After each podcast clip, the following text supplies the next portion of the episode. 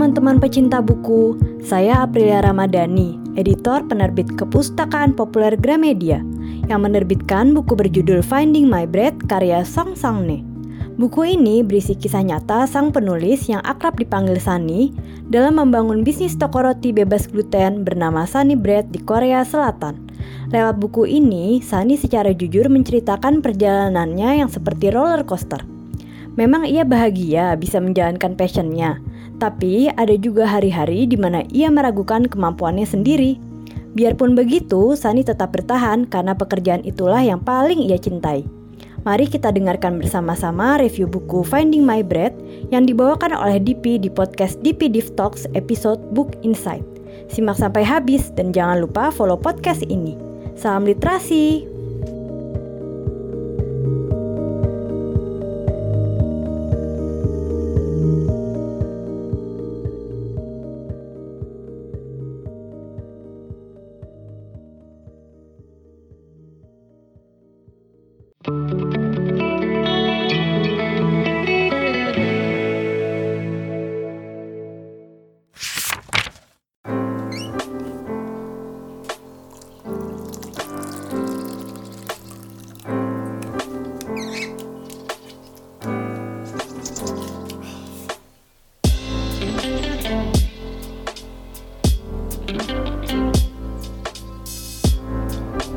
Halo teman-teman book lover, saya Dipi, educator dan book influencer. Apa kabar semuanya?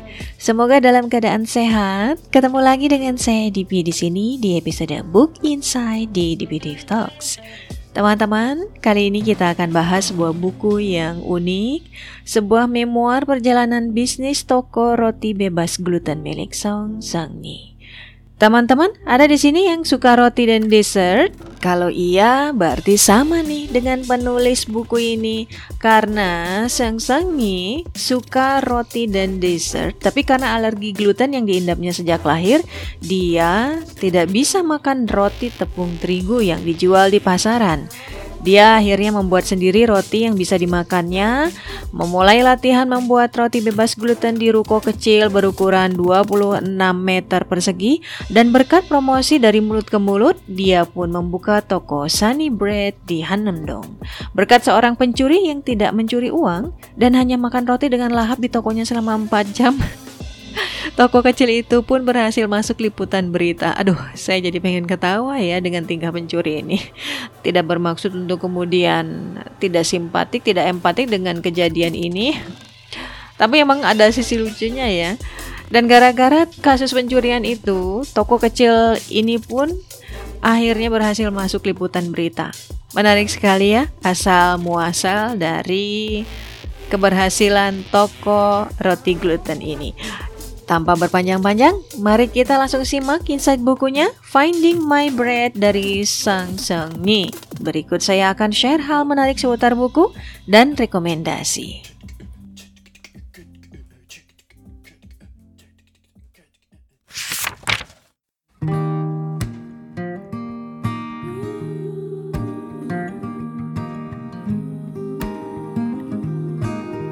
Judul buku Finding My Bread, kisah si alergi gluten membuat toko roti, ditulis oleh Sang Sang Ni, penerjemah Anggi Mahasanghika, penyunting Aprilia Ramadhani, sampul dan isi diolah kembali oleh Pinahayu Parvati, jenis buku masuk memoir, diterbitkan oleh penerbit Pop, Imprint Kepustakaan Populer Gramedia dicetak pertama Juni 2022 dengan jumlah halaman 183, harga 110.000, tapi harga sewaktu-waktu bisa berubah jadi teman-teman selalu pantau semua toko yang dimiliki oleh Gramedia Official Store.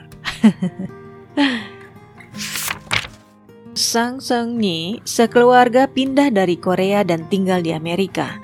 Selama bersekolah, orang tuanya tidak menekankannya untuk berprestasi di akademik, teman-teman book lover. Bisa dibilang dia sekolah untuk berteman, bersenang-senang, dan belajar semampunya. Hingga kemudian dia masuk usia kuliah dan mulai merasa tertinggal, cemas, dan tidak percaya diri pada nilai-nilai serta nilainya yang tanpa prestasi itu. Dari kecil Sani suka menonton acara memasak. Baginya proses memasak itu indah dan ajaib. Dengan segera dia menjadikan masak sebagai hobi dan cara menemukan ketenangan. Sebagai seseorang yang punya alergi gluten sejak lahir, Ayahnya juga sama teman-teman book lover, dia jadi tidak bisa makan roti dan olahan tepung terigu yang dijual di toko-toko. Maka dia kemudian membuat sendiri roti dan beragam makanan bebas gluten supaya bisa makan sesukanya. Tapi tidak disangka blog makanannya disukai orang. Dia menulis di blog teman-teman book lover. Toko rotinya kebanjiran pesanan yang dulu hanya kafe kecil kini sudah punya cabang dan akhirnya menjadi perusahaan yang berbadan hukum. Sony pastinya bahagia karena bekerja sesuai hobinya. Tapi sesungguhnya ada hari-hari di mana dia merasa cemas, marah, depresi, sedih, bahkan tidak bisa tidur di malam hari. Punya karir di bidang yang sesuai minat dan bakat, ternyata tidak berarti selalu senang, tersenyum, dan bahagia. Lewat memoir ini, Suni membagikan kisah paling realistis tentang menjalani bisnis sesuai passion. Apa pun yang terjadi, Suni bertahan karena mencintai pekerjaannya. Roti-roti itu menghangatkan hatinya di hari-hari yang diterpa badai sekalipun. Apa ya resep bahagia? Apakah berkarir di bidang yang disuka pasti bahagia? Lebih penting mana? Pekerjaan yang lebih menghasilkan uang atau pekerjaan yang disuka meski uang tak seberapa? Bagaimana coba menurut teman-teman book lover? Apa pertanyaannya? Eh, kok apa pertanyaannya? Apa jawabannya? Pertanyaan dilematis seperti ini adalah pertanyaan sejuta umat. dalam artian, semua orang mungkin di dalam hatinya terlintas pertanyaan yang sama seperti tadi. Ada pula semacam pemikiran bahwa kalau sudah bekerja di bidang yang disuka, lantas kita otomatis akan bahagia. Nah, buat kita yang ingin tahu realitanya, mungkin buku ini sangat bisa membuka mata kita. Tapi sebelum itu, barangkali saya ingin cerita sedikit bagaimana pengalaman saya waktu pertama kali membuka halaman-halaman awal buku Finding My Bread, teman-teman book lover. Sejujurnya, saya jarang sekali membaca buku dari penulis Korea, apalagi terjemahannya. Oleh karena itu, saya tidak punya ekspektasi atau asumsi apa pun. Sekilas memperhatikan fisik dan ilustrasi buku ini, saya memang jatuh hati pada pilihan warnanya yang lembut dan ilustrasinya yang cute. Tapi kejutan menyenangkan yang pertama yang saya temui sebenarnya adalah di daftar isinya. Awalnya saya kira itu resep loh teman-teman book lover sampai kemudian membacanya lebih detail detail kata-katanya. Pilihan kata untuk judul-judul bab dan subbab yang bernuansa bakery itu menurut saya sebuah ide yang bagus. Saya juga menyukai bagaimana Sang Sengyi menuliskan dengan tepat sebuah kenyataan dalam hidup bahwa menggapai impian itu tidak mudah, tapi mempertahankannya bahkan lebih sulit lagi. Betul banget ya. Di buku ini dia mengutip karya Ernest Hemingway, The Old Man and the Sea. Kebetulan saya juga punya buku ini yang menyadarkannya tentang rasa manis sebelum mewujudkan impian itu akan hilang begitu impian itu terwujud. Dan meskipun kita sudah bersusah payah dalam menggapai impian, kita perlu lebih bersusah payah lagi dalam mempertahankannya. Benar nggak? Benar nggak menurut teman-teman book lover? Setuju nggak? Mempertahankan impian kita jauh lebih sulit daripada mewujudkannya. Pekerjaan yang disukai tetaplah sebuah pekerjaan yang tidak mudah, namun kita mampu bertahan karena ini adalah pekerjaan yang kita sukai. Dan yang terpenting adalah pekerjaan ini membuat diri kita bisa melihat siapa kita sesungguhnya, yakni seseorang yang ternyata mampu bertahan dan berjuang. Kita bertumbuh di dalam pekerjaan yang kita tekuni dan kita menguat seiring berjalannya waktu. Hal ini mengingatkan saya, teman-teman book lover, pada satu obrolan bersama Coach Jeff di salah satu IG Live di PDF bahwa salah satu cara untuk mengetahui kekuatan yang kita miliki adalah dengan menilai apakah di bidang tersebut kita bertumbuh seiring semakin lama kita menekuninya. Ide Seng Seng Ni untuk membuka usaha yang berangkat dari kegelisahannya sendiri sebagai seorang yang alergi gluten juga familiar buat kita yang mempelajari strategi marketing. Ide yang bagus berangkat dari sebuah masalah. Dan Sang Seng Ni, meskipun awalnya dia seolah tidak menyadari hal ini, dia sebenarnya menangkap peluang ini. Menarik juga menyimak tulisannya yang menyatakan bahwa dia hanya ingin hidup dengan melakukan pekerjaan yang dia sukai. Bahkan, kalaupun bangkrut, Ya, tidak masalah, karena dia meyakini bahwa dia hanya perlu terus melakukan hal yang disukainya, bahwa dia tidak sempurna, semua pekerjaan bisa gagal, dan yang penting dia bisa bahagia dengan bangkit dan memulai hal yang lain lagi. Menurut saya, teman-teman book lover, Sang Seungni melakukan sesuatu dengan sangat berani dan patut diacungi jempol, yakni memperjuangkan impian dan apa yang disukainya, Alih-alih menyerah, dia tetap memilih untuk menghidupkan kehidupannya teman-teman book lover. Tapi ada satu hal yang harus disadari kita para pembaca agar tidak misleading bahwa jauh sebelum Sang Sengi memutuskan membuka usaha roti, dia sudah melakukan riset meskipun sepertinya tanpa sadar dan tahu pasti produk anti gluten sangat sulit didapatkan. Dari kecil, dia juga punya bibit passion memasak dan memanggang roti ini. Dan mungkin sekali ada banyak faktor persiapan yang Sang Ni lakukan yang dia tidak ceritakan di buku. Sang Sang Ni mulai menyukai aktivitas memasak dari menonton program TV berjam-jam. Lalu tergila-gila tanda kutip ya, tergila-gila dengan alat-alat memasak yang di matanya lucu dan indah. Dia lalu mencoba memasak dengan segala macam cara, dan meskipun tidak sempurna, kue pertama yang dia buat jelas mendatangkan rasa bahagia yang mendalam dalam dirinya. Di masa depannya, kue dan roti-roti ini tidak pernah gagal menghangatkan hatinya, begitu katanya.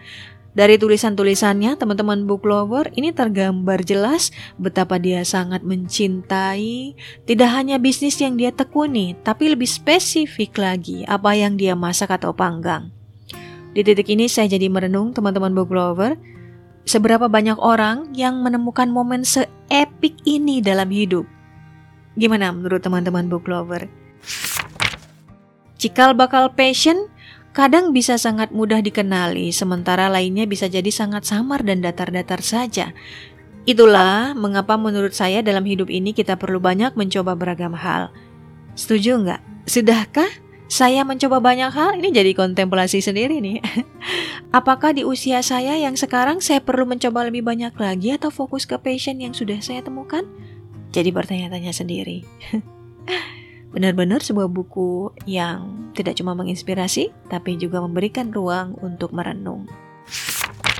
Seperti yang sudah dijanjikan di awal, Finding My Bread juga menceritakan momen-momen yang tidak bahagia teman-teman book lover. Misalnya saat Sang Seni harus menghadapi begitu banyak komplain dari pelanggannya di bab harus ada sunyi di Sunny Bread. Cerita ini menarik buat saya karena penasaran apa yang dilakukan Sang Seungni sehingga bisa bertahan melaluinya dan berhasil hingga saat ini membuat brandnya menjadi begitu besar dan populer. Jawaban atas pertanyaan ini bisa teman-teman dapatkan sendiri dengan membaca bukunya. Hal lain yang saya sukai adalah bagaimana Sunyi menyampaikan pelajaran dari peristiwa baik dan buruk yang dia alami dengan bingkai masak-memasak. Misalnya bab 180 derajat di mana Sunyi menjelaskan bahwa memanaskan oven dengan baik sangat penting dalam baking. Yang dari penggambaran oven itu, teman-teman book lover, dia ingin menyampaikan juga pentingnya menekan tombol on di dalam diri seseorang yang ingin meraih impian dan merubah kehidupannya. Seperti oven yang perlu dipanaskan dan dipaksa mulai panas, begitupun kita yang harus siap memaksa diri untuk memulai. Lebih dalam lagi, hal yang paling saya sukai dari poin ini adalah bahwa Sang Sengi menjadikan kesehariannya menekuni apa yang dia sukai sebagai sumber pelajaran bagi dirinya untuk menjadi lebih baik. Apa yang dia cintai menjadikannya pribadi yang lebih baik. Rasanya saya perlu berkaca banyak dari kisah ini. Sebagai penutup, saya menyimpulkan bahwa banyak hal yang saya suka dari buku ini Mulai dari cetakannya yang berwarna lembut, ilustrasinya yang cute, terjemahannya yang luas, konsep perjalanan hidup penuh hikmah yang dikemas dalam sudut pandang Baker Bakester. Ada pula bonus resep makanan bebas gluten, teman-teman book lover. Bisa kita coba nih. Ada lima resep yang dibagikan di buku ini. Satu gluten free milk choco cake, gluten free vegan chocolate smoothies bowl, sandwich sayur panggang bebas gluten dan rendah karbohidrat, lasanya terong rendah karbohidrat bebas gluten, dan yang terakhir gluten free Nutella peanut butter cookies. Aduh, bikin penasaran mau coba. Ah, ya, langsung kita coba aja yuk. yang penasaran dengan resepnya, bisa langsung beli bukunya dan cek sendiri di bagian akhir buku ya. Finding My Bread, sebuah bacaan yang ringan tapi syarat dengan pesan kehidupan. Buku ini juga terasa personal karena relate dengan saya yang suka baking dan punya impian membuka bisnis kue satu hari nanti. Seperti harapan Sang Sengi yang dia tulis di bab pembukaan bahwa dia berharap ceritanya bisa menjawab keraguan teman-teman, pembaca dan memberikan keberanian. Sebagai pembaca, saya merasa dia sudah berhasil mewujudkan harapan tersebut.